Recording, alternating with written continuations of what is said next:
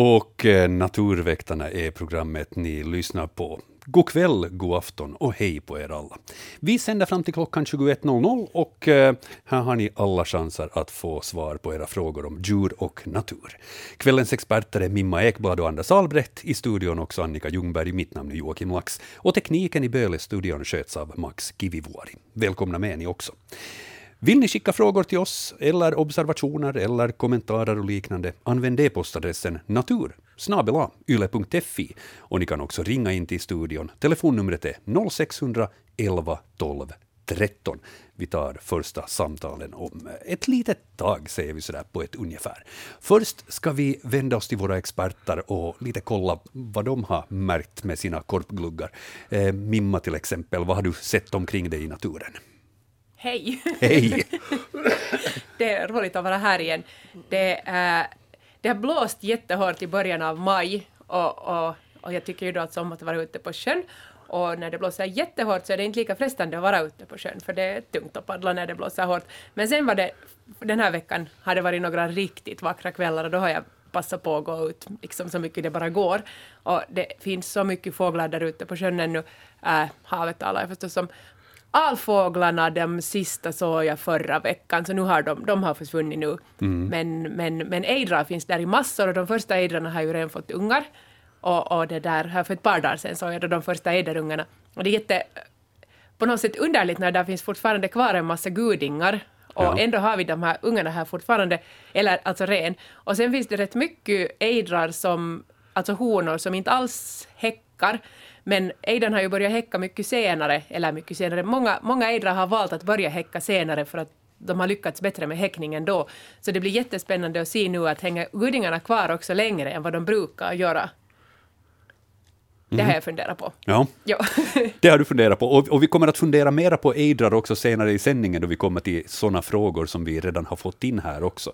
Så, så håll kvar ejdrarna sådär i, i bakom örat. Ja, sen vill jag bara berätta mm. att jag, jag och tjänstens vägnar var tvungen att fara stackars mig till Heinolas fågel, äh, fågelgård. Eller hur, stackars Ja, precis. Jag hade en riktigt trevlig dag där och sen så till min stora, stora glädje så de här två lunnefåglarna som hade tappat bort sig här i vintras, det var på Yles sidor läste jag faktiskt då om att, att, att de hade med ett par veckors mellanrum hittat de lunnefåglar som alltså egentligen bor på Island, som hade tappat bort sig någonstans i skogarna i Finland och de hade båda två hamnat då i, i Heinola och vänta på våren. Och de fick jag då se där och jag har inte sett lunnefåglar tidigare och det var hemskt trevligt, de är så söta. Och av alla ställen i Heinola? No, no, no, alltså, de flyttades ju dit för där finns ett bra ställe. ja, men jag tänker ur deras perspektiv så måste det vara väldigt sådär jag tror de är helt nöjda, för det är nog säkert bättre att vara i Heinola och få mat. Än i Sotkamo, där de hittades. Precis, ja. i skogen. Inget illa mot Sotkamo, men jag kollar bara artikeln från i februari, att de ja. är hittade i Sotkamo. Ja, kanske det är bättre att jobba på ett ställe där det kost och logi är fixat och, och så här. Mm. Och det är ingen snö? Ingen snö dessutom. Lite sådär nästan södersemester-känsla. Ja.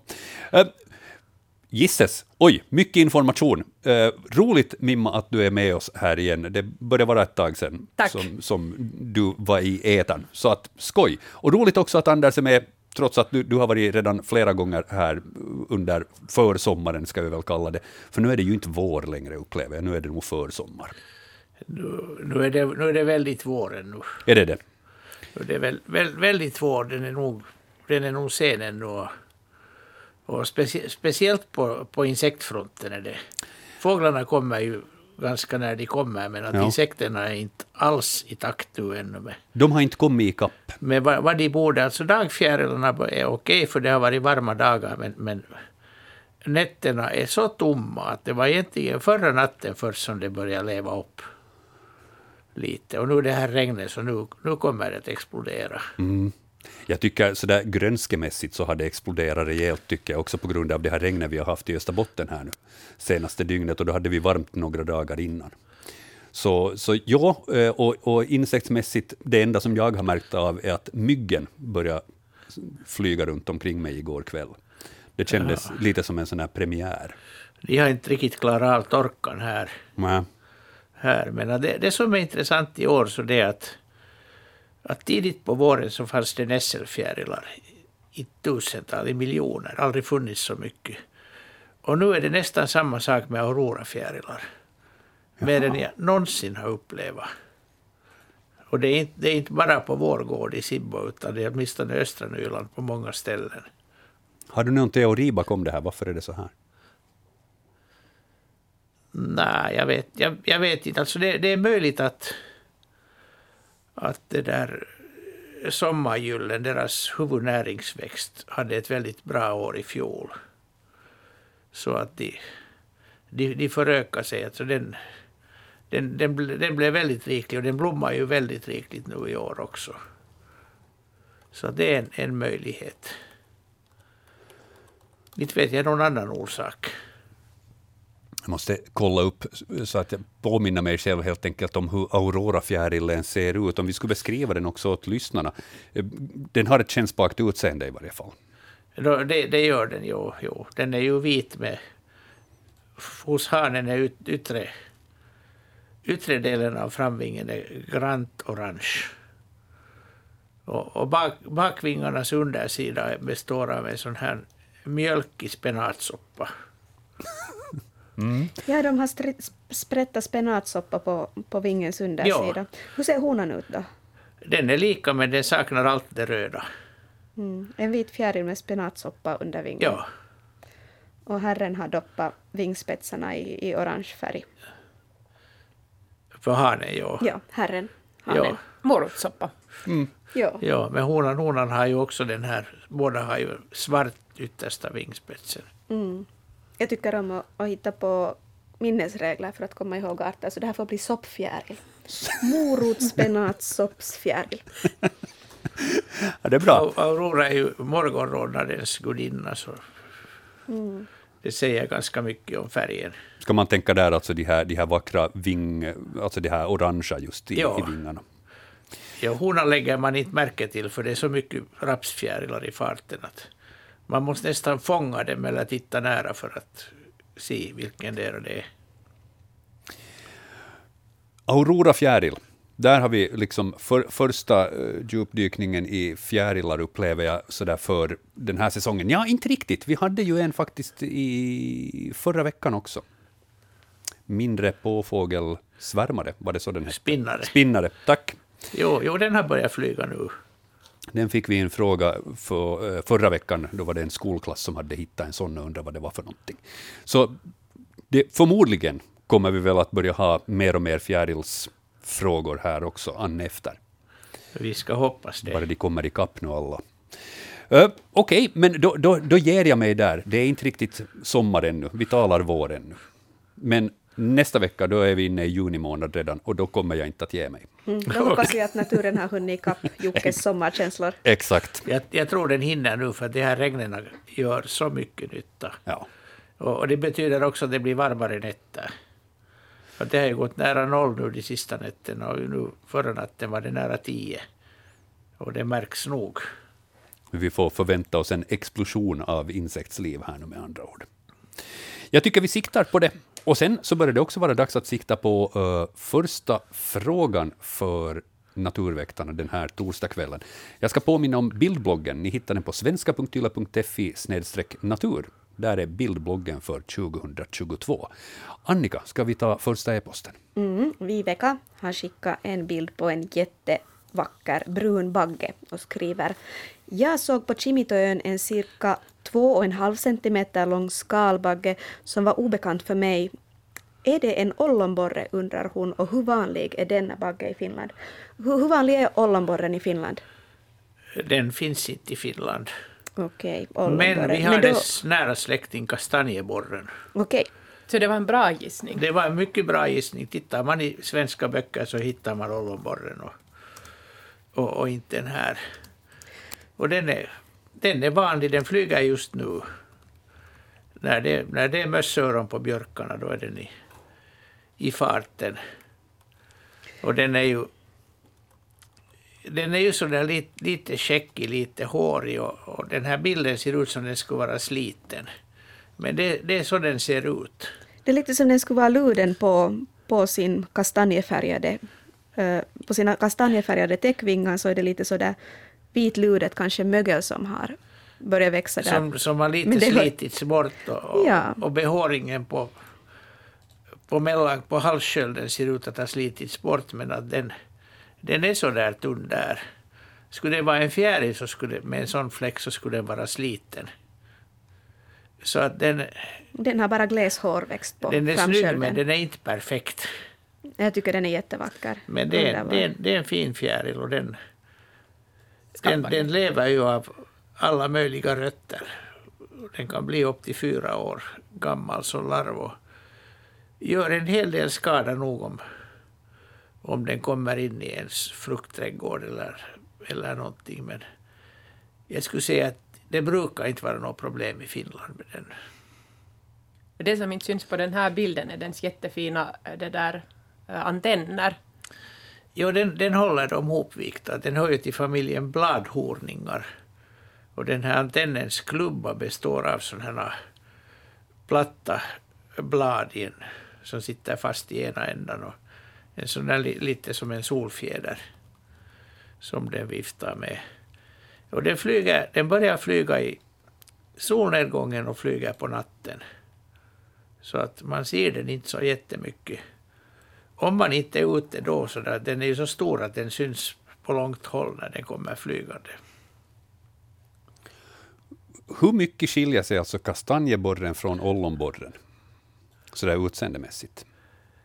I praktiken inte alls. Nu minns jag inte vilka, vilka detaljer man måste titta på, men utseendemässigt är de, är de väldigt lika. Ja, då är det jätteförstående att Viveka föreslog den här ollonborren, men det är alltså en kastanjeborre vi hade på Jo, titta, Vivekas bild. tittar man i svensk litteratur så, så kommer man till ollonborre. Men vi kommer lätt undan här i Finland när vi inte behöver lära oss att skilja på dem. Ollon och No, vi har kastanjeborre. mycket annat som vi måste lära oss. det är så sant. Jag tycker det skulle vara roligare om det skulle vara två, att man får se "Nå, vilken är det här nu då. Jag kanske också skulle, skulle gärna välkomna ollonborren fast den inte finns här. Eh, Är ollonborren på samma sätt också en liten så här knepig borre att få i trädgården, som kastanjeborren? Den, vad, vad jag har förstått så är den kan, kanske ännu värre. Ah, okej. Jag tänkte säga att... Först så tänkte jag säga, "Nej, men välkommen hit bara. men eh, i det här skedet så tror jag att vi, vi, vi matar Olle i grind och säger att nej, hålls, hålls. jag, jag sk- jag skulle säga att inte, inte det här normalt något problem överhuvudtaget. Att Nu- vi har nog en hel del värre skadedjur. Ja, nu ska vi kunna stå ut med lite, lite hål i våra Jag fruktträd tycker vi, eller sk- vi någonting. ska bjuda på vårt överflöd. Ja. Det är inte mer än rätt och riktigt. Det är sant. Nej, alla, alla har några rötter som de kan ge. Ja. Kör på det. Då säger vi ollonborren. Välkommen hit någon gång. Eh, men kastanjeborre, det får vi notera alltså för, för Viveka och hennes bild med andra ord. Och eh, det här uppdateras ju på bildbloggen eh, an efter, men åtminstone efter sändningen, så då finns de rätta svaren inskrivna där också. 0611 12 13, det är annars telefonnumret då som man kan ringa ifall det är så att man har någon fråga som man vill ställa här direkt i sändning till våra experter. Ehm, jag såg att det var någon som försökte slå en signal här för en liten stund sedan, ehm, men jag bommade samtalet. Så ring för all del på nytt, 0611 12 13, så tar vi in samtal här alldeles snart. Men före det så tar vi följande fråga helt enkelt. Annika. Ja, familjen Bertel har hittat detta på stranden i Skeppsvik på Åland. Det handlar om någon form av skelettben. Det är, en gigant, är det en gigantisk svan eller en havsörn som tappar huvudet? Eh, eller kommer det från en Tyrannosaurus rex eller kanske gammelgäddan i viken? Kan det vara ryggskölden från en fågel? Och det undrar alltså familjen Bertell. Och bilden de har bifogat är alltså ett en skelettdel och ett måttband som vi är jätteglada av att finns med på bilden. Som visar att det här fyndet är minst 25 centimeter på längden och en under 8 till 10 centimeter på bredden. Och min första tanke är att, att det skulle vara ett huvud av något slag. Kanske nu, jag skulle kanske våga gå så långt att jag skulle utesluta Tyrannosaurus rex skalle i det här fallet. Du Och sen tänker har jag så? lärt mig att sen när jag ser en sån här som jag tror att det är en skalle, så är det högst antagligen inte alls skalle, utan höften eller ryggbenet av, av något djur. Mm, men, det här, men det ser väldigt skallaktigt ut. Speciellt den, då den där ena bilden som är på högra sidan, för den är tagen ur en sån vinkel att den nog liksom skulle kunna gå Det, för en det, skalle. kunde, det kunde vara en skalle där näbben Ja, det ser nog ut som, men- ut som ett monster, speciellt just den ena bilden. Det är två bilder, en är från sidan och en är så att säga framifrån. Men, men det där, ja, jag skulle inte kunna säga åt vilket håll det här har varit och på vilket djur, men, men hur långt kommer ni? Anders satt och la pussel och han kom ganska långt tror jag. Ja, jag, jag tror, jag, jag, jag är ganska säker på att det är höftbenet av en svan. Just det. Den, den här storleken. Och den, den om man tittar till vänster här på bilden så på den här som är från sidan, så det, det är bakändan. Och så ser man hur den, den har brustit där, där, där går den framåt. Och den här storleken skulle passa jättebra på det. Och, och utseende och, och alltihop. Och, och den där andra bilden, så den, den är ju en vinkel som... Att skulle jag kommit bara den så skulle jag nog ha funderat, vad kan det vara? Jo, det är ofta de här höftbenen är, är lite luriga för de har de här hålorna där, där sen lårbenen, skulan sitter fast och det ser väldigt mycket ut som ett sånt här ögonhål. Eller en ögongrop, men, men eller är det där runda hålet kanske det som något höftben ska ha suttit fast i? Jag ställer för svåra frågor. Ja, ja, du gör nog det. Det som är där, så där som på mitten av, av skelettdelen. Ja, om man ser från sidan. Ja. Så, Ja, ja, från där, sidan. där, där sitter där sitter benet, men, men hur det sitter fast där, det vet jag inte riktigt. Mm. Men i alla fall så det... Det är just, just där vid gropen så där borde liksom svanens lårben börja enligt, enligt det där.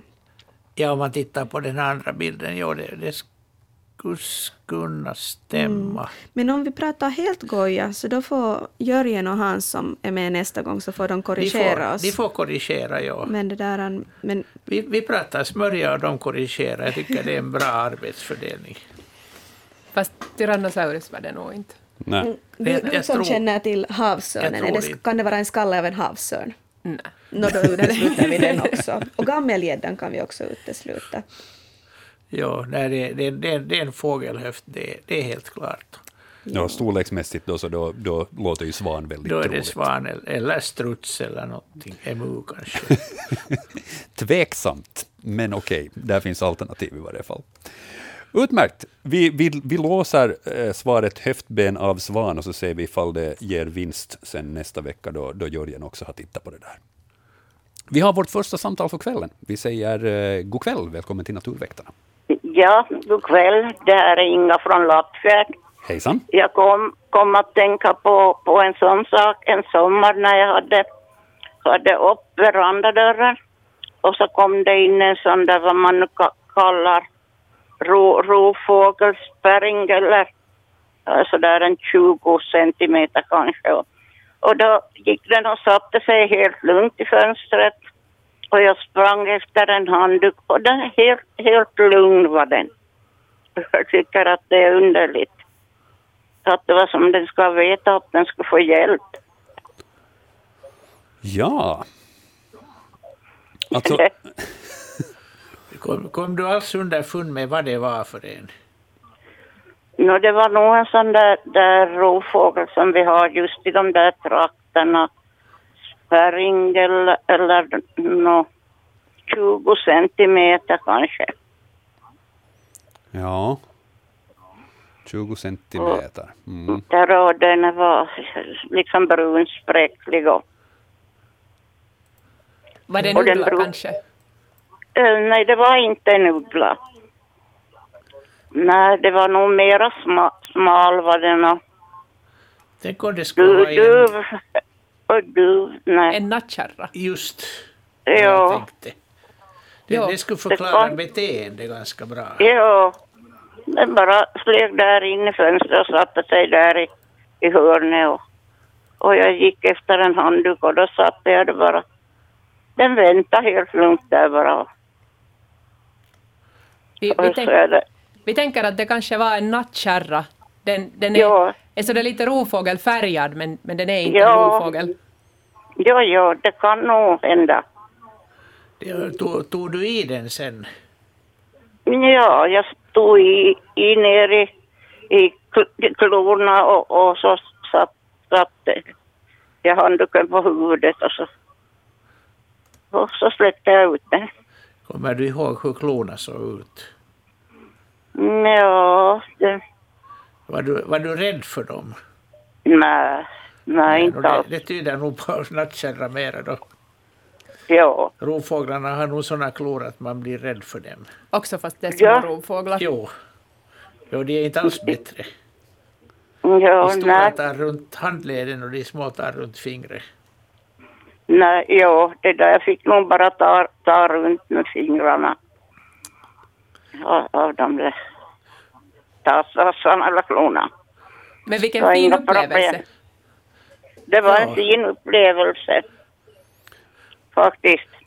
Men mycket, mycket kattugglor har jag sett i Sideby och, och sånt där. Så Ja. jag vet nog hur de ser ut och... och Men den skulle Åh. nog inte ha låtit nej, dig ta sådär. nej. Och den är nej, inte absolut. 20 centimeter.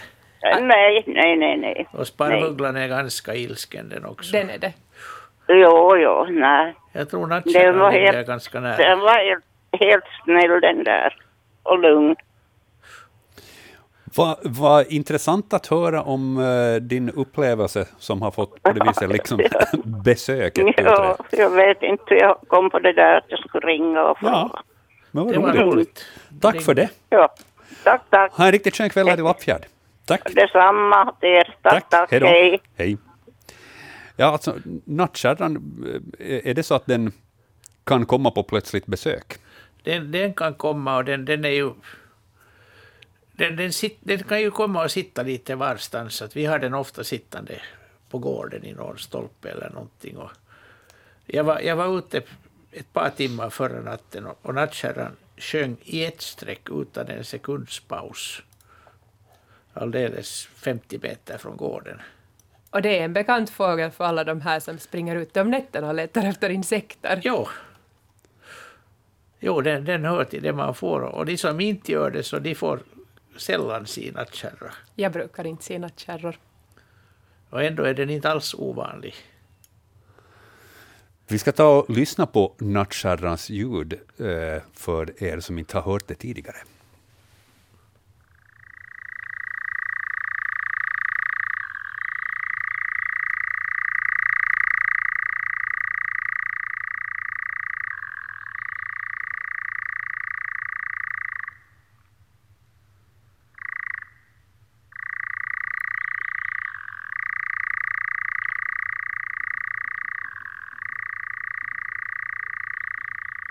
Man tycker att det där är ett sånt ljud att om man en gång har lärt sig att det där är en nattkärra, så då kommer man ihåg det. Ja, inte kan man blanda det med något, något annat än nå, nå, någonting som människan har åstadkommit kanske. Eventuellt. Men, men, men det här när, när den vrider på huvudet det, det ändrar ton, tonfall och, och styrka, så det, det, det har inte människan ännu lyckats skapa sådana maskiner. Nej. Ja, vi tackar Inga från Lappfjärd för det samtalet. En eh, intressant upplevelse som hon delar med sig av. Tack för det. Um, knappt, eh, ja vad säger vi, 14 minuter i jämn timme. Vi hinner med en hel del frågor här ännu innan vi ska ge över till nyheterna. Vi tittar vidare i bildbloggen, Annika. Ja, följande bild ser ut att vara bara bark. Men när man tittar närmare så ser man att det är en som humla som sitter där bland barken. Och Patrik som har skickat in bilden undrar, eller berättar att såg flera humlor som lagt sig tätt in till barken på denna tall i Malax. Finns det någon teori om varför det gör så? Du Anders eller Mimma sett att humlor brukar parkera på det här viset tätt in till barken och sitta och trycka där. Jag, jag har nog inte sett det, men att vi har ju nog en teori, vi, vi, vi, vi, vi tänker att kanske det är blåsigt och kallt och att det är skönt för dem att få lite skydd där. Sitter och, kryper ihop. Det, det är ju så att humlorna är, är varmblodiga när de flyger. Att när de, de vibrerar med vingarna så kommer kroppstemperaturen upp till kanske en 38 grader. Och sen kan de flyga fast det är minusgrader. Men om de, om de sätter sig så blir de snabbt kalla. Och då kanske det är skönt att sitta där och lite sola sig förrän man börjar flyga igen.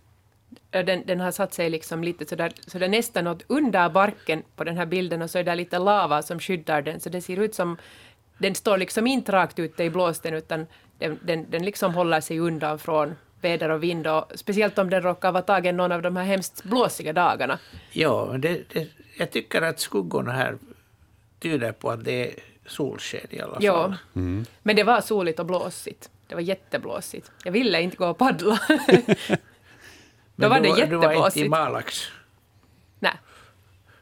Men, men så den, den söker helt enkelt alltså skydd från, från vinden och, och kylan på det viset. Det är inte så att den söker skydd från, från någon som eventuellt skulle vilja äta en humla eller två. Nej, det, det är det nog inte. Att, jag, jag, jag, jag tror nog på det där med, med skydd och värme, men, men det är nog också bara en teori. Det Mm. är en kvalificerad gissning. Ja. Men den litar ju nog på sina varningsfärger. Den, den, den försöker inte gömma sig. Den säger hallå, du ska inte äta mig. Precis. Så på det Vi viset. borde, vi borde ta tempen på den. Ursäkta humla, jag, jag, jag ska Ja. bara göra en liten Flyg test. inte iväg. Ska vi ta stjärten eller armhålan?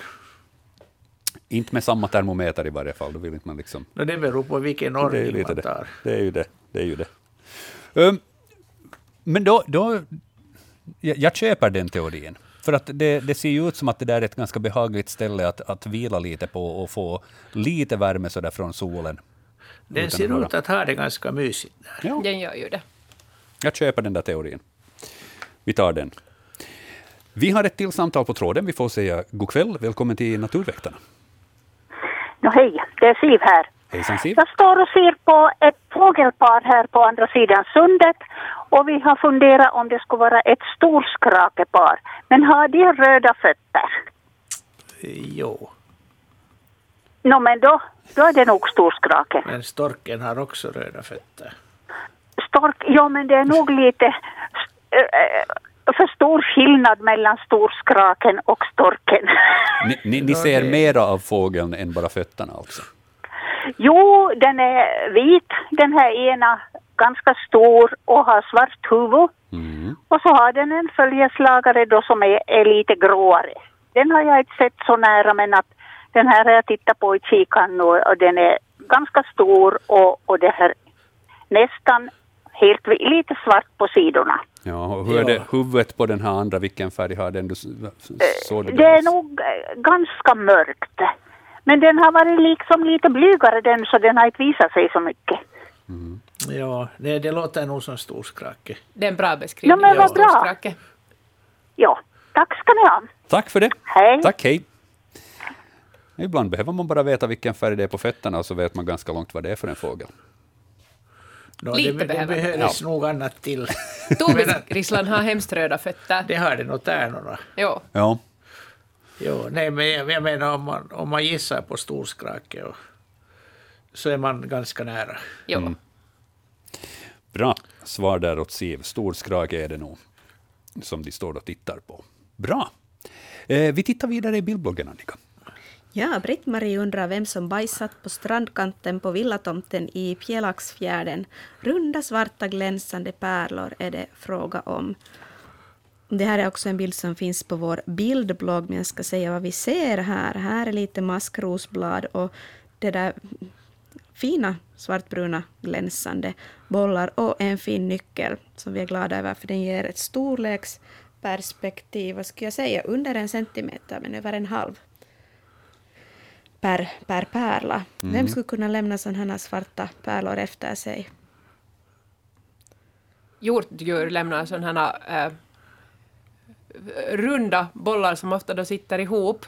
Och ju större hjortdjur, desto större sådana bollar. Att älg, älgar har sådana här riktigt stora äh, hög, högar som består av just sådana här bollaktiga saker. Och de här är så jättesmå, så jag säger att det är ett rådjur.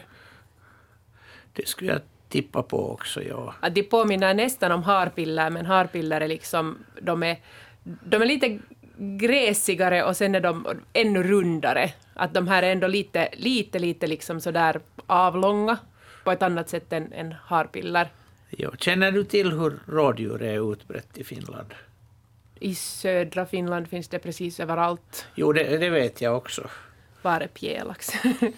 Fjällax, då får vi nog leta oss hit mot Österbotten. Ja, att, att finns, finns det rådjur där? Vi ska titta. Jag har aldrig ett, men att... Vi är i närheten av Närpes och liknande, Ja. så att Det skulle nog bra kunna vara, men jag känner faktiskt inte till. Kasketrakten. Men det ser jättemycket ut som rådjursbilder, Det- så det jag skulle det, nog ja. anta att det är det. Det gör det nog, ja. Vi får nog säkert höra av Hans nästa vecka om Nå, det han- inte nå, han skulle vet vara ju det, så. ja. Men Jag ska titta här på vilttrianglarna, men det tar ett ögonblick. Så. Är det, är det små hårstrån som vi ser här också? Jo, jag tittade på det. Det är hårstrån. Först skulle jag ha, om inte jag skulle ha...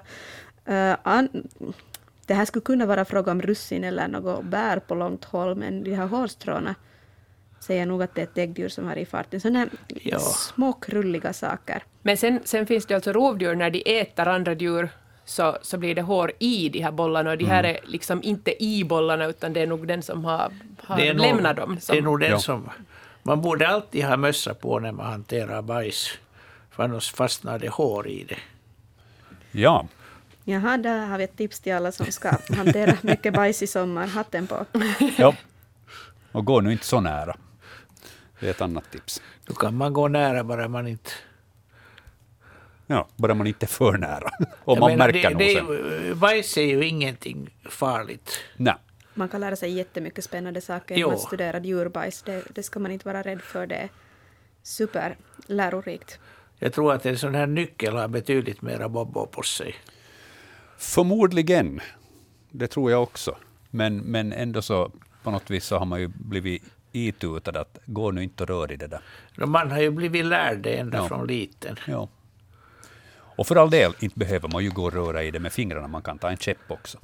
Man, man behöver inte peta på allt. Nej, så är det. Man får gärna göra det. Ja. Nu har jag tittat på vilttrianglarna och jo, det finns rådjur finns i där, ja. Österbotten.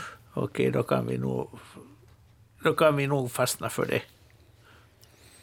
Rådjurspärlor är det som Britt-Marie har hittat med andra ord. Runda svarta sådana. Undrar om det här skulle kunna bli på samma sätt eh, en exportgrej som, som vad jag har förstått att älgavföring också kan säljas som nyckelknippor och liknande. Ja, kan hända att någon får... Nyckelknippor. Ja, jag har hört det att man, typ så säljer man det åt tyska turister och liknande. Ja, och så man kan rulla dem i pudersocker också och sälja som godis. Nej. Man kan, men det är inte rätt. Annars. Oj, oj, men det finns i Lappland så säljer de sån här salmiak som, som ser ut som sån här renpiller. De, renpiller påminner ju alltså nog jättemycket om också. Jo. De ser också ut på det där sättet. Så, det där, ja, så de säljer godis som, som är salmiak men ser ut som renpiller. Så kan jag berätta en anekdot också om min far som i unga år eh, samlade in eh, fårbajs och satte det i pappersstrutar och sålde det som salmiak. Eller som lakrits, vad heter det? Nåja, När det Jag ville inte höra det. Nej. Vi, vi pratar ju om en bild på bajspripplor, alltså. Det, Ja. Därför vi är på ett sånt här samtalsämne. Kan det här vara det där um, skogsrenspiller? Inte finns det väl skogsrenar längs i De finns, Närpes? de finns i, alltså någonstans i Österbotten. Ja, men inte det, då, då ska vi lite norrut. Ja, det är sant. Så ja. Ja, i Närpestrakten. Ja, tror jag den, det den, inte den har ju finns. nog brett ut sig väldigt mycket. Men att, Mm. Ja, men det gör rådjur också. ja, ja, nej, jag tycker det här är nog mera en De är så pass små. mera r- rådjurshögre, liksom. det är bekant från, från hemma i trädgården. Ja. Där, där är våra blåsippor Då är det i rådjur. om, omvandlad form. Hörni, vi hinner med en fråga här ännu innan vi ska ge över till nyheterna. Tippar jag. Vad har vi som nästa? Jag skulle slänga en sån här fråga som Irmeli i Borgo har ställt. Ryms fågelmamman tillsammans med ungarna in i holken på nätterna? Eller matar mamman och pappan ungarna hela natten? Sover de aldrig? Nej, när jag än tittar ut genom fönstret så var antingen hanen eller honan till buren med mat till ungarna. Ehm, Det var fråga om sparvar i det här fallet. Detta var nu inte i år, nu är fågelholken tom. Vet ni vad mamma och pappa sysslar på med nätterna annat än bara matar och matar och matar? Du, så, länge, så länge ungarna är små så är åtminstone den ena nog inne i boet. Och Men båda, där- båda ryms inte på en gång där, Nej. så de, de sover Och inte sen där när båda två. ungarna blir större så, så blir de nog utkörda. föräldrarna. Ja, för sen ryms det inte mera in. Det beror ju på, men jag menar en, en talgoxe som häckar i en slaguggleholk, så där ryms ju hela släkten. no, ja. jag äh, talade en gång med en talgoxforskare som kom från Holland. Och, och, han hade varit jätteintresserad av det här med den där, när det aldrig blir natt i norra Finland, så han hade gjort en forskning på det, att sover talgoxarna någonsin när det inte alls blir mörkt? Mm. Och, och, och de sov ett par timmar nu. Jag tror att han kom fram till att de sover fem timmar, men det här vågar jag inte slå vad om. Men det som jag kommer ihåg är att, att de, de sover några timmar, men inte hemskt många. Mm, men det här med fåglars sömnvanor är nog jättespännande. Vet ni något om några andra fåglars sömnvanor? Havsörn eller, eller några andra sjöfåglar eller småfåglar. Om man går och paddlar sent på kvällen, så då har de här fåglarna vanligtvis gått och lagt sig redan då när, ännu förra veckan när det efter nio blev ganska mörkt, så då låg de och, och, och tryckte och så drog de in, de hade liksom huvudet under vingen och, och då sov de då i nio snåret kanske, ren.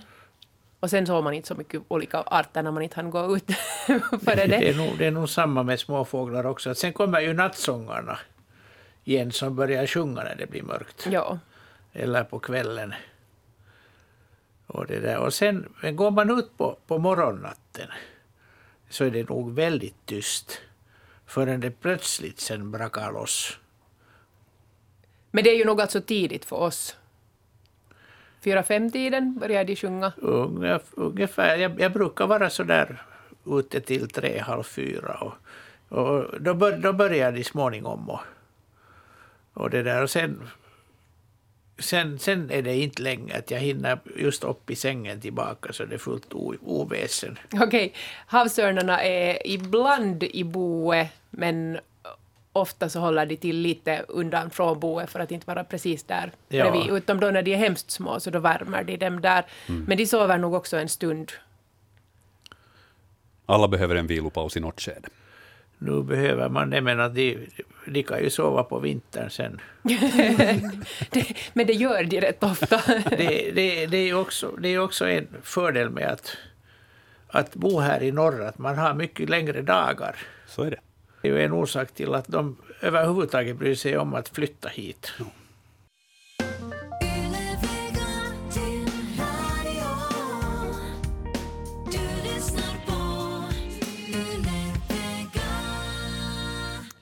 Nå, det här är Peter från Esbo, hej. Hej Peter.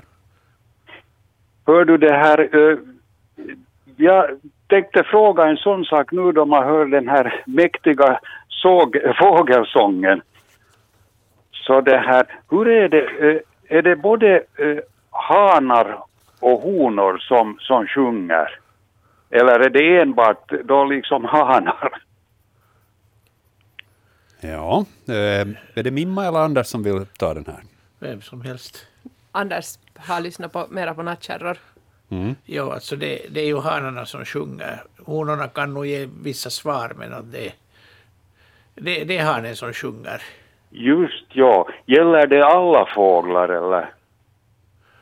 Vad jag vet så, så gör det det speciellt när det gäller då liksom fågel, uttryckligen fågelsång så är det hanarna, men ja. att honorna kan ju prata och, och, ha åsikter och göra varningsläten och sånt. Ja, ja, just, just, ja, ja. För att det här nu när man hör till exempel Nektargalen som har börjat här i våra knutar och, och det här sjunga så, så det där har jag liksom undrat, månne det, det, det, det där också honan, men att som du sa så, så det är säkert att honan ger, ger sådana liksom varningssignaler och så vidare. Ja, det, det, gör, det gör alla fåglar nog. De har ju alla kommunikationsläte. Ja. Men det är hanen som har det här revir, Just, ja. revirbeteende och revirsången och, och också den här locksången. Ja. Okej, okay. bra. No, men det där förklarar allt och det här jag funderar på. Så, det här. Så, så då vet vi det. Fint. Ja. Tack ska ni ha för svaret. Tack för din fråga Peter. Ha en skön kväll. Ja, Bra. Jo, tack. Hej. Tack, hej. hej. Jo, det, är ju, det samma gäller ju insekter och gräshoppor och vårtbitar och sådana. Det är hanen som, hanen som sjunger, men att de kan sen vid, i närkontakt så ha en sån här lit, liten tystlåten duett mellan. Men, men i alla fall den här ljudliga sången, det är alltid hanarna som sjunger. Vi har flera samtal som väntar här. Vi tar ett till. Vi säger god kväll, välkommen till Naturväktarna. Ja, hej. Men, mm, jag heter Kenneth och, och jag vad heter det, blind. Ja, Eh, när jag brukar vara ute med hunden min så jag funderar hur långt är änderna med sina eh, ungar eh, och ägg så att säga här i södra Finland. Hur långt är de gå, gå, gående med det så att säga? ja i vilket skede är de? Liksom? Ja, O- olika ändar, alltså olika andfåglar får ungar vid olika tillfällen, så det finns de som liksom först börjar häcka nu, men de allra första har fått sina ungar än. Att jag, ejderungar är de enda jag har sett, men jag kan tänka mig att, att till exempel gräsändarna och kniporna också börjar få nu sina ungar. Nu, bör, nu börjar de väl få, ja. Ja.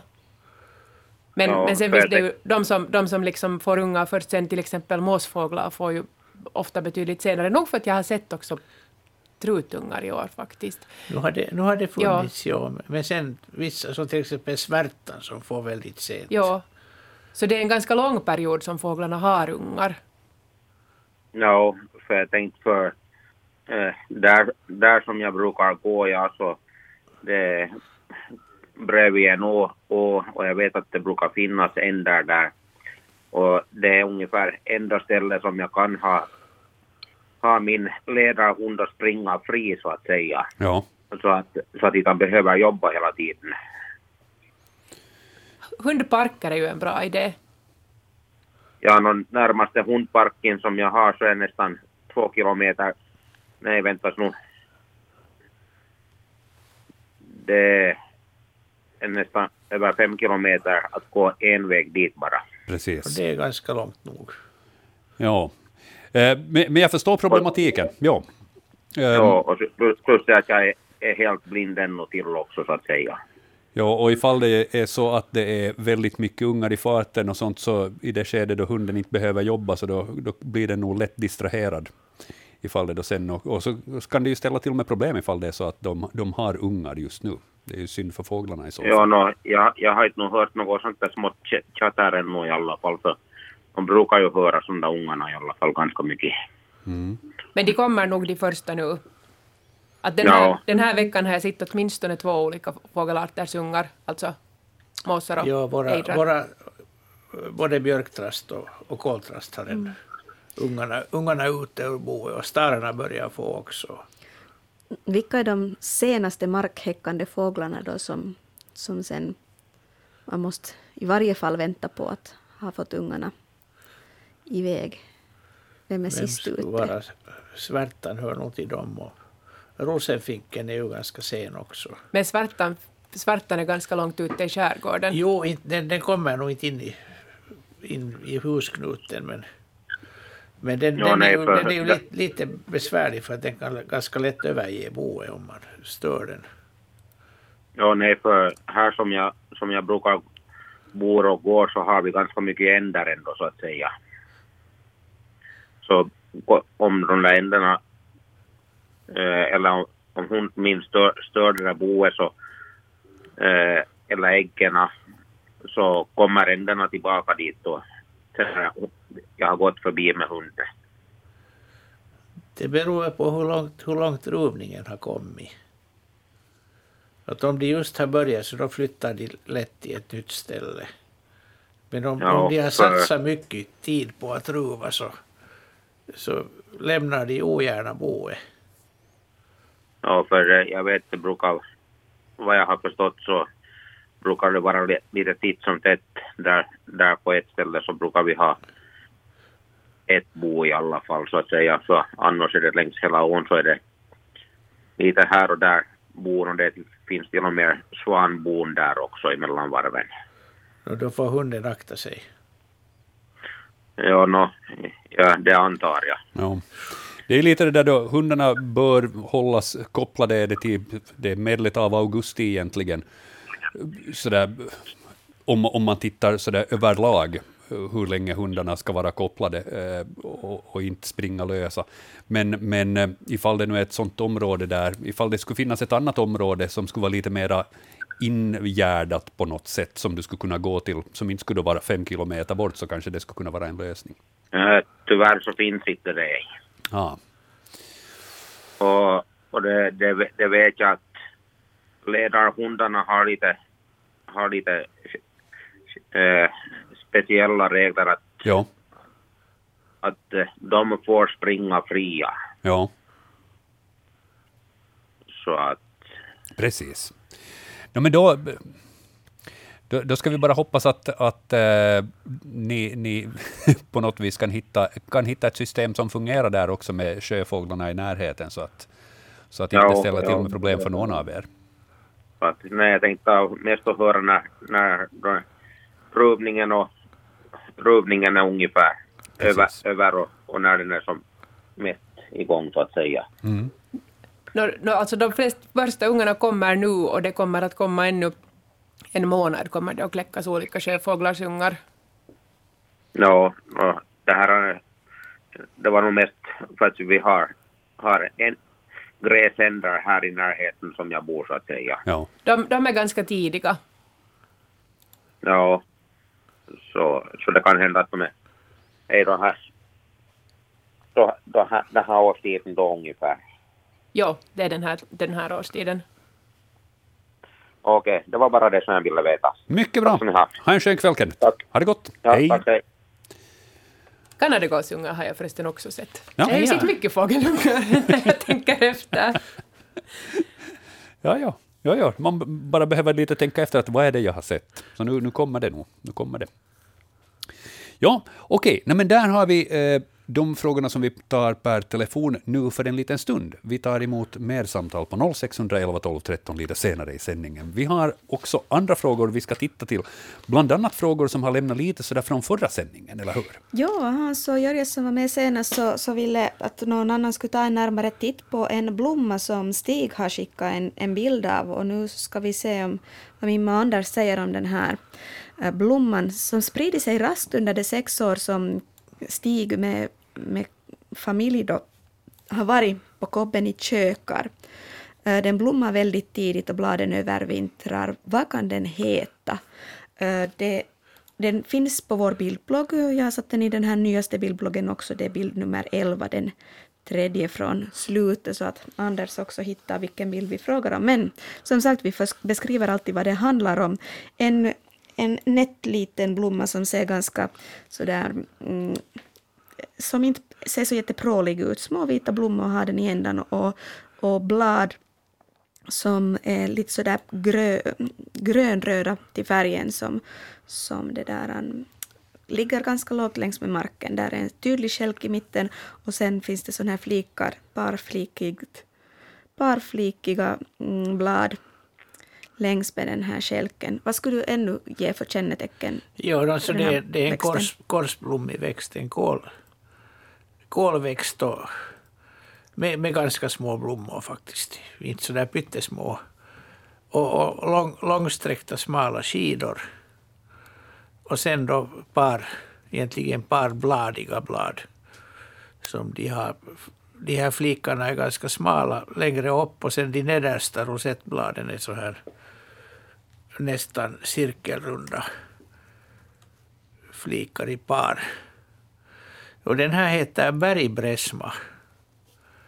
Och det är, en, det är en art som är, är vanlig i sydväst i skärgårdshavet och, och de trakterna och betydligt sällsyntare hitåt hållet. Man ser den inte just här i, i våra trakter alls här men att Åland och skärgårdshavet är den mycket utbredd. Växer på torra, torra backar, gärna lite på kalkhaltig mark. Och eftersom de växer på de här torraste ställena så är de väldigt beroende av vattentillgången. Och speciellt hur det har varit på hösten. Att hur de, för att de, de bildar då den här bladrosetten och, och samlar näring som de snabbt på våren sen växer upp. Och det har man märkt här i trakten åtminstone att de här, många av de här växterna har blommat upp ovanligt starkt i år. Man ser mer, mer än man brukar se av dem. Att det är många berg, bergknallare helt lyser vitt av de här. Det är flera olika arter. Så de har haft bra förutsättningar att, att utvi- utvidgas eller utveckla sina, sina ut, breddas ut under de Ja, senaste åren. ja. Men det där, um, mm, Stig har en, en följdfråga och undrar om, om det kan ha att göra med myrornas äh, äh, mängd och har de någon kontakt till den här blommängden? För när vi började bygga mm, på kobben fanns det extremt mycket myror, säger Stig. Eh, en stor stack och ett antal små stackar på den cirka en hektar stora kobben. Och vi har inte förstört eller rubbat någon av stackarna, men det finns nästan inga myror kvar, vilket vi tycker är synd. Mm, Vi tror att de hjälper till att hålla ormarna borta från kobben. Inte kan det väl finnas någon koppling till explosionen av ovan nämnda art. Tror väl inte det, men, men förstår inte varför myrorna försvunnit. Kan myrornas eh, försvinnande ha någonting att göra med, med varför blommorna har blivit vanligare? De här bergspressmorna som vi pratade om just. Nej, jag, jag, jag tror inte det. De har, de har nog inget, inget samband med myror. Det finns ju vissa andra blommor som, som sprids av myror. Till exempel kovaller och natt och dag. Och blåsippan till exempel är också en som, som myrorna sprider. Men då skulle det ju vara tvärtom egentligen. Mm. Så att inte, jag kan nog inte ge någon förklaring på att myrorna myrorna. Men det är klart att om, om det har varit torra, var det kökar det var? Uh, ja, en liten kobbe i kökar. Ja, att eh, det har ju varit väldigt, väldigt torrt i kökar. Jag vet inte hur, hur många år, men åtminstone. Eh, jag var där för några år, år sedan och då var, då var det ju så att träden tappade, tappade bladen redan mitt på sommaren. Och att det hade inte liksom kommit, kommit under vintern och inte under sommaren. Och, och det här kan vara ganska förödande för myror för att det, det är en massa djur som inte, inte kan, som behöver växter och växterna, myrorna behöver de här djuren, larverna som, som lever på växterna. Att det, det har varit matbrist för, för alltihop. Det kan, det kan jag gott tänka. Det, det kan ju ta sina år förrän det återhämtar sig. Och om det nu är så att somrarna tänker bli heta och torra så lovar det inte så hemskt gott. Mm, Det finns mycket som kan påverka hur mycket myror det finns, hur mycket bergspressmala Ja. och väldigt annat. Bergsmäspan tycker nog om det här. Den behöver inte så mycket vatten, men den behöver. Men att redan ett litet regn så gör ju att den här, de här torrängarna blir, blir våtängar. Då jag hörde nam namnet bergbräsma så, så slog det mig att, att väntas nu, det här är ett namn som jag har hört tidigare i samband med att, att det är en ätbar växt och att man kan använda den på många olika sätt. Uh, så jag måste lite kolla upp. Den, den fungerar både som krydda och som, som sallad och soppa den här tydligen. Det, det gör den. Det är ju, speciellt där i skärgården var den finns så har man ju använt. Och, och jag, jag tror den odlas också. Åtminstone bräsmor odlar man. Och de är ju som, som alla korsblommiga så de är ju, de är ju ätliga. Ja, det står här mild pepprig smak, lite krasseliknande. Ja, de, de, har, de är ju, krassarna är ju också korsblommiga och, och kålar och, och allt det här. Så det, de har alla den här samma, samma smaken. Att rucolan är ju också en korsblommig och inte en sallad alls. Därför smakar den kål. Rucola är gott. Det är ju det. De skulle inte smaka kål så skulle det vara helt gott. Tips där åt Stig i alla fall. Kan använda den som, som krydda eller tillägg till sallader eller soppor. Jo, jo om, om det finns så där mycket så kan man mycket väl plocka. Den är ju, den är ju bäst när den är ung. Och, och sen när de här nya rosetterna kommer på hösten så de är ju de, det mest saftiga och fina på den. Och jättevacker är den också. Den Det är vacker, ja. Får jag ta skottkärran kommer lastad med getingbo eller har vi samtal på? nej, den tycker jag definitivt vi ska titta på. Mm, vi pratade förra gången om ett enormt getingbo som fyller en hel skottkärra och då, då önskar Hans och Jörgen att Andersen nu skulle kunna återkomma till att hur, det, hur vanligt är det att ett getingbo som den som Ann-Sofie från Tenala har skickat en bild av oss, hur vanligt är det att den på riktigt fyller hela skottkärran? Är det vanliga getingar som, som gör sånt och finns det något annat intressant som du kan berätta om? No, det, det är oftast är det vanliga getingen, men det kan, det kan vara jordgetingen också som, som gör enorma bon. Och det där, de blir ofta jättestora. Så att om man, om man lyfter dem i skottkärran så fyller de den nog. Så att det, det, finns nog. Man, man kan ju se ofta när jordgetingborna har blivit öppnade av, av bivråken att det är en otrolig håla som de har grävt där under marken. Och de börjar ju i någon liten sorkgång eller någonting och så gör, gör honan ett, ett hängande bo där i taket och så småningom så, så bygger de vidare så gräver de upp kring boet och det blir större och större. Mm. Vi pratade lite om getingbor här innan sändningen och du sa att det kan, finnas, det kan vara många andra än getingar som bor inne i en sån här. Där, där, är, där är en massa. Det är dels så är där, är där djur som äter getingarnas larver.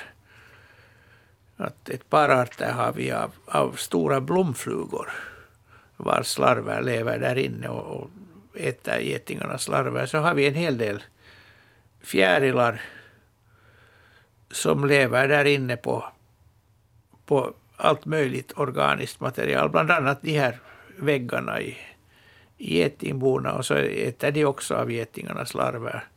Humlemotte är ju en, en fjäril som har stora kolonier i de här. Det kan vara hundratals larver och de kan göra ganska mycket illa i getingboet. Vad har, Så- de för, vad har de för metod för att getingarna inte ska märka dem då? Jag vet inte om de har någon metod överhuvudtaget. Eller getingarna bara dumma?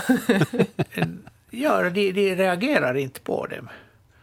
Kanske de har så mycket ungar att de... Ja, jag, jag, alltså det, det kan hända att när, när fjärilarna kommer in och, och lägger ägg så, så får, får äggen och larverna de får det här getingboets doft där på sig. Att det vet man ju att, att när till exempel dödskallefjärilen går in i, i bikupor för att stjäla honung så den blir ju angripen. Och de blir, de blir ganska ofta dödade inne i bin. Men att de här verkar nog klara sig. att det, de, de kommer helt enkelt in och lägger, lägger en hög ägg. Och, och det kan hända att också om getingarna tar livet av dem så hinner de lägga sina ägg. Och så är det hänt. Nu är liksom uppdraget slutfört. ändå. Uppdraget är slutfört, ja. Men då märker inte getingarna att det liksom är fel sorts ägg där? Nej, inte, inte, de, de, lägger, de lägger ju ett, ett ägg per cell. Och den här fjärilen lägger nog äggen där in, inne i boet bara antagligen, antagligen i en hög. Många fjärilar lägger ju så att de bara sprutar ut äggen och jag skulle tro att de här är sådana. Och larverna sen kryper omkring där och hittar, hittar de här cellerna och och samma med de här blomflugorna. Blomflugorna är ju lite mera lika. Den ena arten är gul, gulrandig som en geting, men den andra är svart och vit. Så att getingarna... Men jag, jag tror att den, den har kemin, personkemin fungerar där. Det var det jag tänkte, att de har säkert några luktspår som påminner om Ja. deras... Jag tror att de här fjärilarna inte har, men det är ju, det är ju sen an, vissa andra fjärilar som, som bland annat lever i myrbon och får lock, locka myrorna att bära in dem i boet. För att de luktar som de själva. Ja, de, de avger ett, ett ämne som är mycket begärligt för myrorna. Så att de tar i dem och bär in dem i boet bums. och där kalasar de sen på myrornas avkomma. Djurvärlden är märklig ibland. Jag kan inte säga något annat. Djurvärlden är som människovärlden, att vi äter varandra. Ja, ja, ja, vi, är, luras. Och vi, är, luras vi är minst sagt lika märkliga, det är bara att lyssna på nyheterna. Så. Ja. Ja, det är sant. Intressant. Eh, Vi, vi hade ännu en fråga som, som vi hade behandlat förra veckan som vi ska lite titta på, visst? Mm, det är en fråga som har fått vänta lite längre på svar, så vi Ja. ska återkomma nu till Kristinas fråga som har funnits i bildbloggen tidigare. Men nu ska Kristina få svar på sin fråga om ormfärger. Hon stötte på en huggorm i Esbo. Den har en ovanligt blå färg. Signalerar den något speciellt? Håller borta? Eller vad gör den? Den har ju inte skyddsfärg nu. Hur bra fungerar en sån här mm, huggorms skyddsfärg också i de fallen när det är lite udda nyans på den? Och Det är ju inte egentligen en skyddsfärg, det är mer en varningsfärg. Det är meningen att man ska bli rädd för den. Och de här, de här ljusgråa ormarna, de, de har ju ofta en, en sån här lätt blåaktig skift, skiftning. Och, och det, kan, det kan gå också när man fotar dem, att man får det lite överdrivet det här. En, en kamera som ställer in vitbalansen är, inte van att ett djur ska se ut så där, så de kanske gör det lite blåare. Ja, detsamma gäller nog den här skalbaggen här bredvid också. Jag vet inte om det är samma. Ja, ehm, Kristinas andra, Den, den, den är också blåare än den borde vara. Kristinas andra fråga gäller en skalbagge. Denna typ skalbagge, cirka 3 cm lång, har jag inte sett tidigare. Går den att identifiera via bilden? Ja, Fast det, den är lite- går det. Den, den heter parklöpare. Det är en av våra, en av våra stora skalbaggar. Och en av de ytterst få skalbaggar som lever flera år. Så att de här de kan, de kan leva flera år som vuxna. Och, och det gör att de, de faller offer för sådana här sådana kordykepsar, sådana här parasitsvampar som kräver övervintrande vuxna insekter för att klara vintern. Och eftersom de här övervintrar som vuxna och sen går över till följande generation så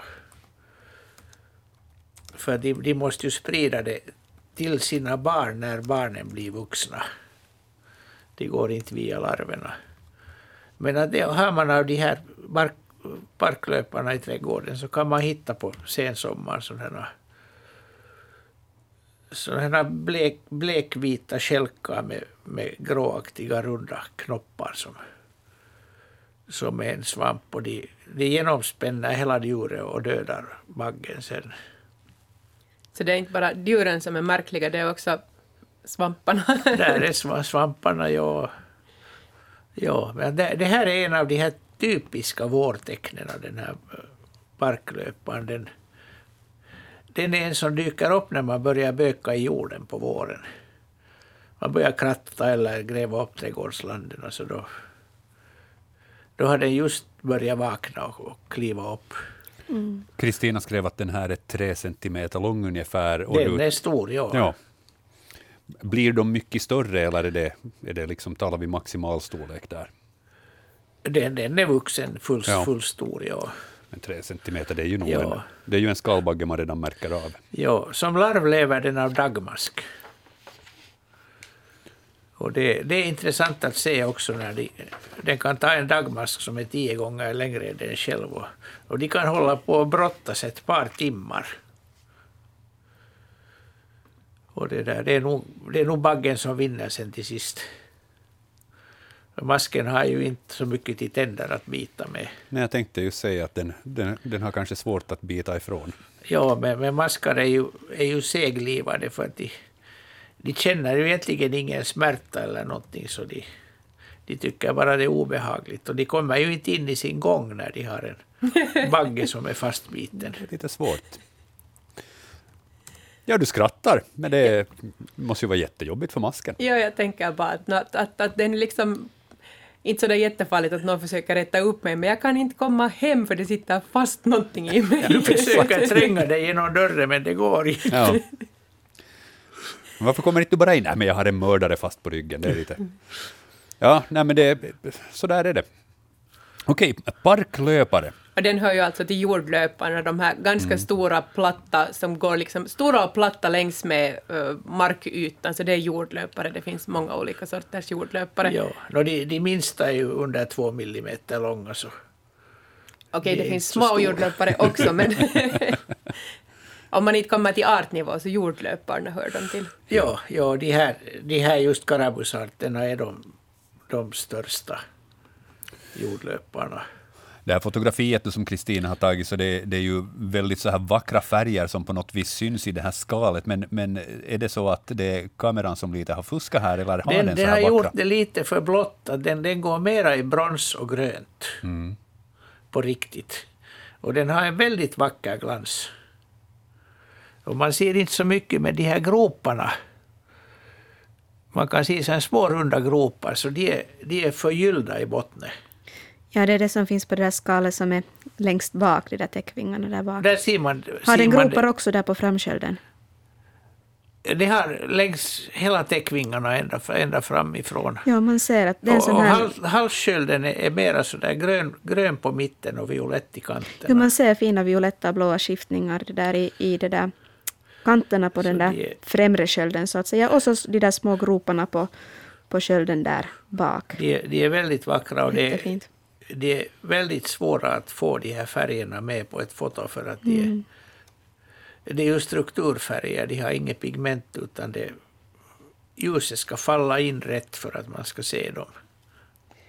Och så ska det inte hänga fast en dagmask. Egentligen om man tar en video med en dagmask på så då i de här rörelserna så kommer det alltid att blänka till. Ja, precis. Parklöpare, det får vi ge som svar åt Kristina.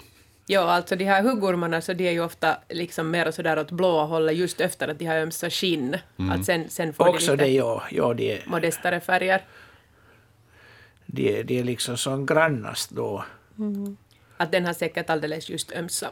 Just det. Ja, det har du säkert rätt i. Så den kommer, den kommer att gråna lite sådär.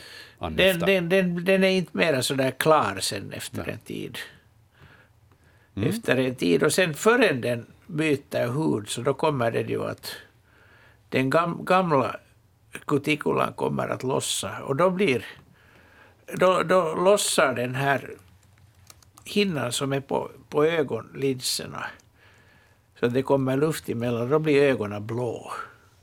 Precis. Så de ser ganska spännande ut, ormar som just tänker byta hud. Vi har haft den frågan någon gång tidigare, har jag för mig. Jag just. tror det, ja. ja. Ja, jag har nog lärt mig under alla år på Naturväktarna att Ja. huggormar kan ha jättefina färger. Allt från svart till just blåskiftande Ja. och, och allt värdet. Och just att ögonen kan bli lite sådär blåa just innan de ska ömsa skinn. Ja, Mm. Bra. Vi skriver in svaren i bildbloggen och så ska vi snart titta till fler frågor där. Men vi ska ta ett par samtal här innan det. Eh, telefonerna blinkar och vill ha uppmärksamhet. Så vi säger god kväll. Välkommen till Naturväktarna. Ja, är jag med nu? Ja, det är du. Jo. Jo, ni pratar om huggormar. Ja, Det var Leif Blom från Petrax. hejsan. Och, jo, hejsan. Och jag har haft... Jag är ju pensionär så jag är över 60 år och haft många huggormar på hemgården. Ja, jag tänkte fråga, hur är det med, med albino huggorm? om vi har något sådana. Och, har, Jo, och, har, har du sett någonting sånt eller, eller tänker du mera så där i största allmänhet att finns det månne? nej, jag, jag har sett en sån. Just det. Men då kan vi kolla med våra experter, hur vanligt är det att det förekommer albinoversioner av huggorm? i, enligt min uppfattning är det väldigt ovanligt. Jo, jag har aldrig råkat ut för Jag inte albinohuggormar. heller. Jag, jag, jag misstänker att de råkar ut för, för något rovdjur väldigt snabbt. Men, men jag hann ju raskt googla det här och jag hittade faktiskt en bild på albinohuggorm, så, Ja. så det förekommer Det, nog. det förekommer, ja. Vilken Jo. färg har de då? Är de helt vita eller?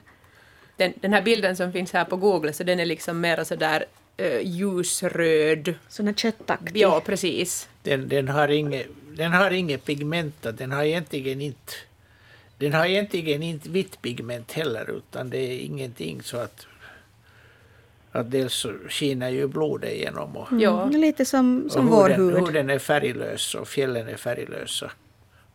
Men jag är det skulle- nog inte. Nej, absolut Ja. inte. Nej.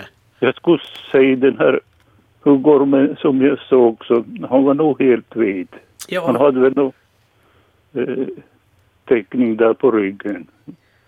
Huggorms. Då är det nog bara en blek huggorm, för om den hade då en teckning så då är den, då är den liksom inte albino. nu kan det vara, den, den teckningen kan nog synas ändå. När var det som du Det såg är ju den? samma med helt svarta snokar, så man kan ändå se de där gula fläckarna fast de är samma färg Jo. som bakgrunden. Såg du vilken färgs ögon den hade? när jag kom inte se direkt till den. Det är nog en tio år sedan, Ja. sedan jag såg den här. Precis. Rö, röda ögon kan de ha, de här albino-huggormarna. Jo, jo det kan vara att den den har det, men jag kommer inte tänka på det inte. Nej, inte, inte det är ju det första man gör, ser du ormen i ögonen. Nej, Nej. Men Men- spännande. Ja, verkligen och, och ovanligt får vi konstatera. Jo. jo, jo, i, Hur, hur ofta men har det du huggorm? bara, är, bara en, en gång jag har sett det, men det är ju hundratals huggormar jag har sett. Ja. Hur ofta har du dem där i, i närheten av dig? Nej, det, är- det alla somrar. Mm. Och du kommer, bra, över- du kommer bra överens med dem? nej, jag kommer riktigt bra överens. Så det, det på gården inte. Ja, då, då, då får man flytta på dem helt enkelt därifrån. Jo, jo. Jo. Intressant, hör du. Eh, Vi, vi noterar första frågan om en albino huggorm, tror jag. Eh, Vi har inte haft den frågan tidigare. Så att, Jag, jag tror det ja, att det här var nytt. ja, Spännande. faktiskt. Hör du, tusen Jo. tack för ditt samtal, Leif. Jo, jag, jag tänkte jag skulle ringa då. Det är, första gången jag sitter så. Ja, du tänkte helt rätt. vi tackar för den rapporten, hör du. Ha det skönt där i Petalax. Ja, Bra. jo, jo, tackar. Tack. Jo, Hej då. jo, hej. Albino huggorm. Ja, det var, det var nytt. Jag vågar påstå att det, det har vi inte talat om i Naturväktarna tidigare. En ny poäng. Ja, När man samlar arter för, för året, hur många fåglar man har vi, sett. vi kryss, kryssar här Ja. också. vi, vi ja. kryssar albino huggorm. Och så säger vi god kväll till följande samtal. Vi har ett till på tråden. Vem är det vi har med Ja, oss? det här är Frålsundom. Det är Marlene som ringer. Hejsan Marlene. Hej. Eh, jag tänkte fråga om dykare. Kan de flyga då? Det kan de. Riktigt bra Ja, jag också. tänk- Jag tänker bara på det att i, igår när jag var där ute på gården så jag har ganska grovt grus här på gården och jag började höra att det tassade där i gruset så jag tittade efter och så var det en sån där stor eh, dykarbagge då som, som kom tassande och, Ja, och vad gjorde den här på torra land? den, den, hade nog, den hade nog varit ute efter något nytt, nytt vatten åt sig. Har ni, har ni någon glänsande ljusgrå bil eller plåttak eller något sånt där i närheten? Jo, jag har en ljusgrå glänsande bil, det har jag. De, de, de, de gör, landar på allt som ser ut som en vattenyta. Ah, Okej, ja just Och ganska ja. ofta på bilar och sen hamnar de ju i gruset. Och de, Ja, de har lite svårt att flyga upp. De, de skulle borde kliva upp på någonting. ja just För att få, jag för borde, de, är- de är så tunga. jag Att borde förrän de får luft under vingarna så, Ja, så behöver det Nå, han var ju på falla. väg, han var faktiskt på väg mot ett dike men han hade ju nog en bit att gå. Jag försökte ju irritera honom lite och, så, och få, få honom att ändra riktning men så det gick inte. Den gick sin gilla gång rakt fram. Bara det är inte bilvägar i, i, emellan så man har Ja. inte kom fram till. nej, nej, nej, Ja. nej den, den, den skulle nog ha kommit i diket före för att diket är på hissidan om vägen. Mm. Ja, de, fly, de flyger både på natten och dagen. Okej, ja, jag har ju sett dem i, i, i sår och, och, och, och vatten. Mussamlingar har jag ju sett dem så jag vet hur det ser ut. Men Ja. den där var ju faktiskt såg eh, lite matt ut tyckte jag i färgen. Men det kanske berodde på att den var torr. Eh, Det var antagligen en hona. ja, ja, just det, Hanen ja. är, hanen är glansig och, honan är oftast matt och randig. Den har sådana Ja, får, fåror på ryggsidan. Ja, den har inte, den ja. har inte alltid men att ofta det. Så den ser Jaha, inte just helt glänsande ut. Ja, det var kanske en hona då, ja. Mm. Jaha, no, men då fick jag reda på det. Och så tänkte jag berätta en glädjande nyhet. Jag hörde göktuta, har göktuta här i närheten och den tycker jag är väldigt sällsynt nu för tiden. Och den har, den har blivit sällsynt, ja. Vi, vi har tappat Ja. vår som vi hade på gården tidigare så den, Ja, den har ja, inte synats på flera år. Jaha, Det var fint nej, det. Ja, vi kallar ju för kokopigon vi. Vi, ja, vi säger kokopia. Jaha, just det. Och så hörde jag göken för en vecka sedan första gången och det var västergök så jag var ju glad då. Ja. Vad bra. Hör man från fel håll så ska man hoppa i bilen och köra runt. Det går inte i Ja. skärgården. Du måste Nej, paddla jag hårt. bor ju- Båten då? Jag, jag bor ju inte i skärgården nu heller förstås inte men, men äh, den, den brukar ofta höras söderifrån, längre söderifrån men nu var det västergök så jag var ju glad då. Just det. Så, nåja det där var mina saker som jag hade att berätta och fråga om. Hör du, tack, tack för det. Ha det gott där i Sunda. Och Bra. grattis till göktytan. Ja, Ja. faktiskt. Tack, tack. Jo. Tack. Hej då. Hej. Ja, gökytan, alltså den har, har den alltså minskat? Är det som vi Den, kan den har minskat, ja. Och Då är det ju roligt att, att Marlene fick höra den. Ja, jag tycker, när jag var, när jag var yng- yngre så hörde man hela tiden av dem. Och nu hör man ju nästan aldrig. Alltså, jag, jag tror att skulle man vara ute och vara aktiv fågeltittare så skulle man nog både se och höra. Men när man är är lat och slapp så då blir det inte. Och ägnar nätterna åt att titta på insekter istället för att sova. Just det. Ja. ja. Eh, det var de samtalen vi tar för den här stunden i varje fall. Vi ska se ifall vi hinner med ett här ännu lite senare. Eh, vi har en hel del frågor i bildbloggen ännu som vi ska hinna behandla. Eh, Annika, vad har vi som nästa där? Vi börjar med Simons fråga. Eh, de har skaffat en stuga vid ett träsk i Borgnäs och med krattan kom det upp en massa musslor vid stranden. Vad är det för sort och har förstått att vattnet ska vara rätt så rent för att musslor ska trivas, skriver Simon. Och han har skickat en bild på en massa musslor. Vad är det för slags musslor vi ser på bilden som Simon har skickat? Är de alla samma eller finns det möjligen många olika? Det är pff, minst tio... Nej, men det är många bilder. Men det finns liksom tiotals, säkert hundratals musslor där. Uppkrattade på stranden. Ja, det, det normala är de här träskerna i, i Östnyland bland annat. Så de, de som har musslor har tre, fyra arter normalt. Och de är jättestora. Och de, är- de är, alltså den här stora, stora dammmusslan har jag inte sett där. Den kan ju bli upp till 30 centimeter. Mm, det finns inte på den här bilden. Hur stora skulle ni säga att musslorna på den här bilden är? Här finns inte Jag skulle säga att det är upp till närmare 10 exempel. centimeter om det är Ja. Kanske inte fullt. Om det inte är stor dammmussla, vilka arter har vi då kvar? Vad heter de nu? Anatina och, och Cygnea är de här dammmusslorna. Sen har vi målarmusslorna ännu. En, är det nog två eller tre arter som tänkbara i de här sjöarna. Och de är inte alls så lätta att, att, att känna igen. Man borde ha dem i handen för att man... Dels så, så är det skaltjockleken som ger att de väger olika. Och, och sen att, att bara, bara se formen från ändan, så det säger inte hur de, hur de sen är liksom tredimensionellt. Men dammusslor och målarmusslor är en bra början. Det, Ja. det, det räcker riktigt bra. Ja. Och jag, jag skulle tippa på att här finns av båda sorterna. Ja, det här, hur kan, man, kan man säga någonting om, om det här vattnets kvalitet då på basis av att det finns just de här musslorna? Det är ju inte så att musslor söker sig direkt till rent vatten, utan det är mer så att musslor renar vatten. Så det att där de, finns musslor de, de, ren, de renar vatten och, och börjar man släppa ut för mycket föroreningar så då dör de. Jo, förstås, men Och, det där. och om, om de, de tål inte saltvatten heller. Just de här musslorna. nej. Att, att de, som, de som vissa år finns i till exempel Aboforsfjärden utanför Kymmene älv, så, de, så plötsligt kommer det en saltpuls och så dör de all, allihopa. Och sen tar det tio år förrän vi har dem där igen.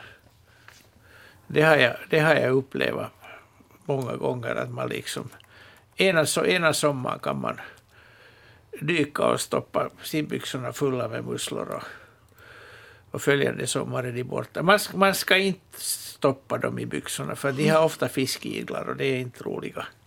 Det vill man inte ha. Simon undrar just att hur, hur, bra, hur, hur ska man vara aktsam med att simma i den här dammen? I varje fall så borde väl vattnet då vara ganska, ganska rent om, om vi har många Det är musslor det- som det jobbar är på helt, att Det är rena helt det. okej att simma. Och, Han och, det skriver, där, och vadar, vadar man ut i sådär två meters djup eller så där, så börjar man känna under tårna att där är massor av musslor. De, de står upprätt i botten så att de liksom med, med ändan upp.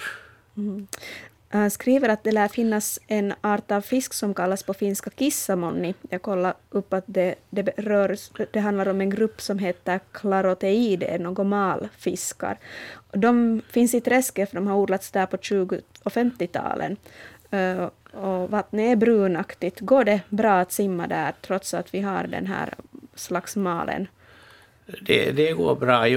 Just på 50-talet så sysslar man med att, att plantera in nordamerikansk mal i, i mång, mång, många sjöar. I, jag vet till exempel i Sjundeå fanns det i en del sjöar. Jag vet inte om det kanske finns ännu kvar också av dem.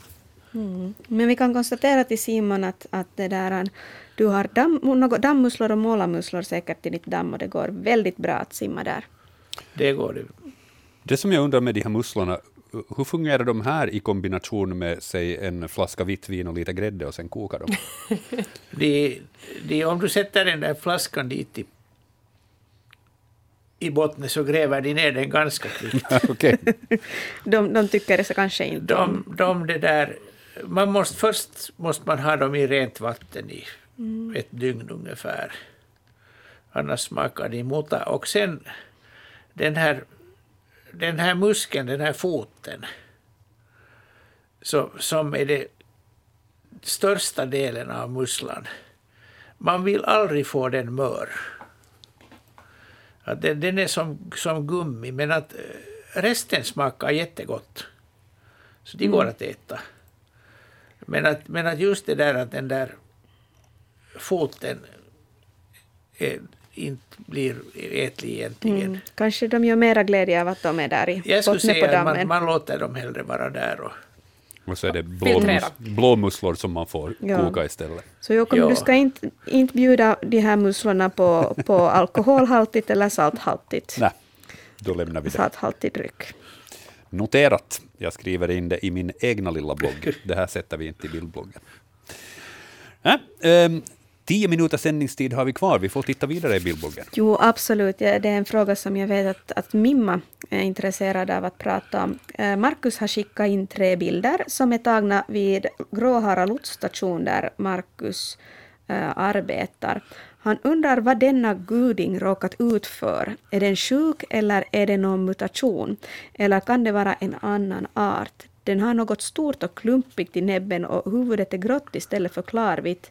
Den rör sig dock tillsammans med två ådor. Det vill säga en, en ejderhane som ser underlig ut. Om jag tar upp bilden och beskriver så ser vi att det är, det är någon med en enorm klump på näbben. Näbben är gul och lite orange där i ändan.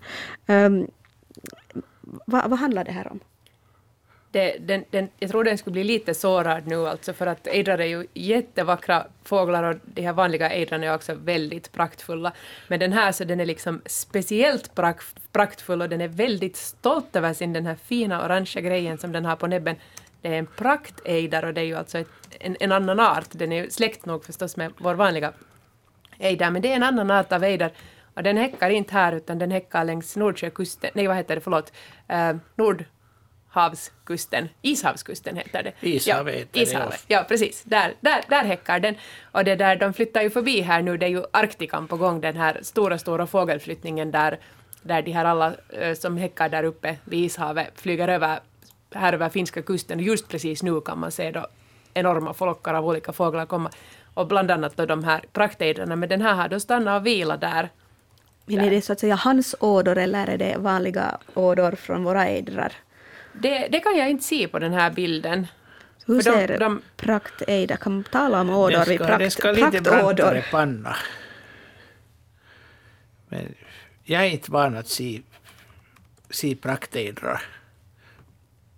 Och du är inte tydligen heller. Nej, jag har aldrig sett en praktejder. Jag är till och med lite avundsjuk. Grattis, grattis Markus, du, får snart besök av Mimma som paddlar till Oj, ja. Gråhara. Ja, alltså gråhara var det... Oj! Ja, ja. Okej, nu vet jag vart jag ska ta. du får ta och paddla rejält. Men jag, jag läste alltså faktiskt här att, att, det där, att någon praktejdrar hade setts i Borgå tillsammans med vanliga ejdrar så att de faktiskt då har, den har blivit där och, och bosatt sig med Ja. dem och bildat par med dem. Att det är inte omöjligt heller. Jag har sett den utanför Sandhamn också. I min ungdom. Okej, Och jag tror att den också var ihop med vanliga ejdrar. Att den, den var en, en ensam hane. Men att det har setts nog honor här och de som är bra på fåglar, de kan nog skilja. det, det skulle säkert gå också om det är ganska små bilder. Så. Ja, det är kanske inte så stora skillnader på dem sist och slutligen, utan man ska verkligen kunna se på detalj då i så fall. Ja. Ja, det var svårare att säga om de där ejderhonorna. Jag försöker titta närmare på alla de här tre bilderna, de övriga bilderna som Markus har skickat. Här är, jag ska vi- visa Mimma snabbt, här visar två honor som simmar efter, Det- efter hanen. och de har dessutom en unge. profil. Och en, en Ja. svart dunboll som är lite suddig på bilden, men en unge. Det där är helt vanliga ejdrar. Mm. Åtminstone den till höger. Den till vänster så är svårt att säga. Den där är skulle kunna skugga, vara- någon slags Ja. skugga under vattnet. Och Men, det, att det där, Den kommer precis där på näbben och det är liksom den som ser annorlunda ut. men det var alltså en praktejder, inte en, inte en vanlig guding som skulle ha något fel på näbben, utan Jag har här en bild på praktejderhonan och den har nog en, en helt annan profil på, Jo, på den ser, huvudet. den ser annorlunda ut. Så det var åtminstone de som var på den bilden som är på bildbloggen är nog vanliga De är ejderhonor. vanliga, ja. Men vad roligt att Markus eh, fick se det där, fotografera och skicka in till oss. Så nu vet vi Vart vi ska paddla. exakt. Men du får sitta kvar ännu några minuter. Vi, vi hinner med någon fråga ännu. Du får inte paddla iväg ännu ikväll. Eh, vi noterar praktejder där och så tittar vi på, på nästa bild, eller hur Annika? Ja. Eh, s- Grannas mor i Norrskogen undrar vad det är för insekter på fyra bilder. Där ser man grus, lite något grönt som växer och kratrar. Det gräver ner sig under marken och sprätter upp jorden. Totalt rör det sig om ett tiotal bon. Det verkar vara fråga om enrummare. Hålen är cirka 4-5 centimeter djupa.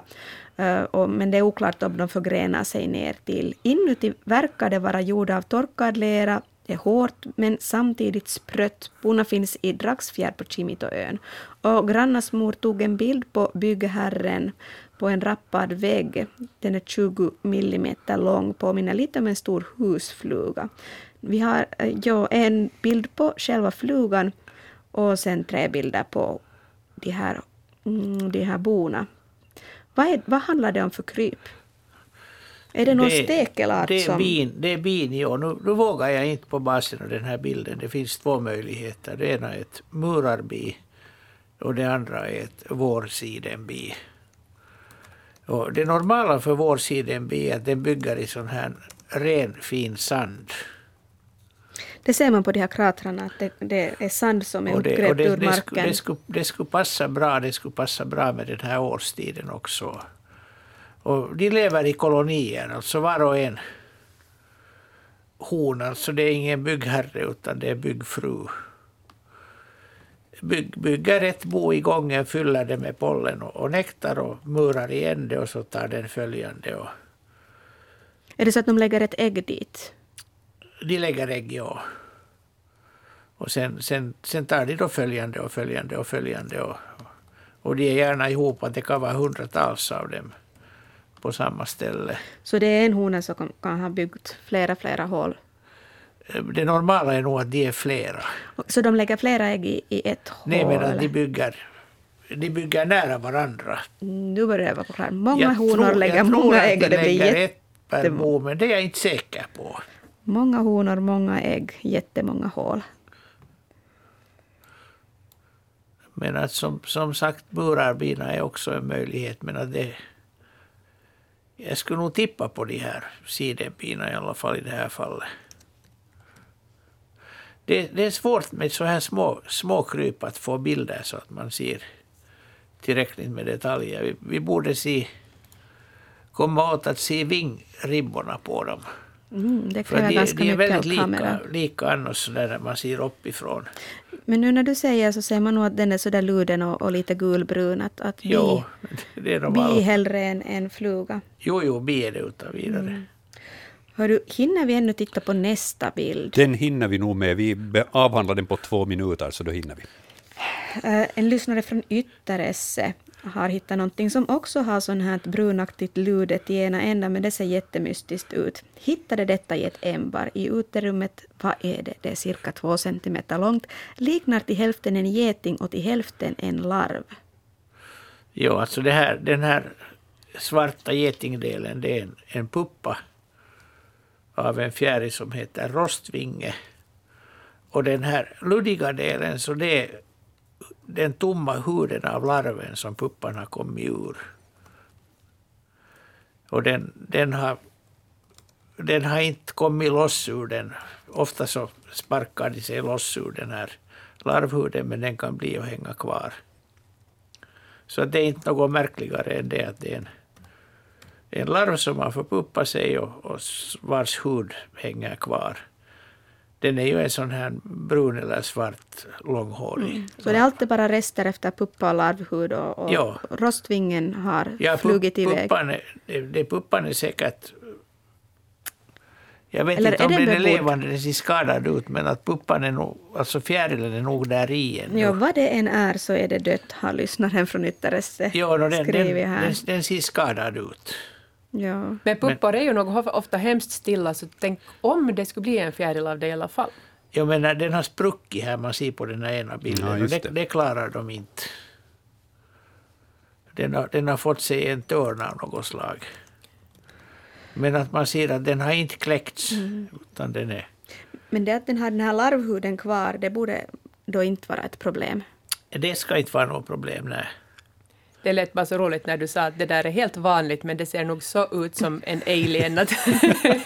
Men det var jättebra att få svar på den här mystiska, mystiska filuren, för jag hade... Jag blev jätteförbryllad av den. Rostvingen noterar vi i bildbloggen med andra ord. Hörni, här får jag avbryta. Vi får säga tack Anders Albrecht, Mimma Ekblad, Annika Ljungberg och Max Kivivuori för hjälpen ikväll. Naturväktarna är tillbaks nästa torsdag den 2 juni 1922. Hör gärna av er. natursnabelayle.fi och Naturväktarna Ylevega, postbox 12 00024 Yle, det är adresserna. Och ni som har lyssnat, tusen tack för sällskapet. Det var ni som gjorde den här sändningen med era frågor. Jag, Joakim Max, tackar för sällskapet. God kväll.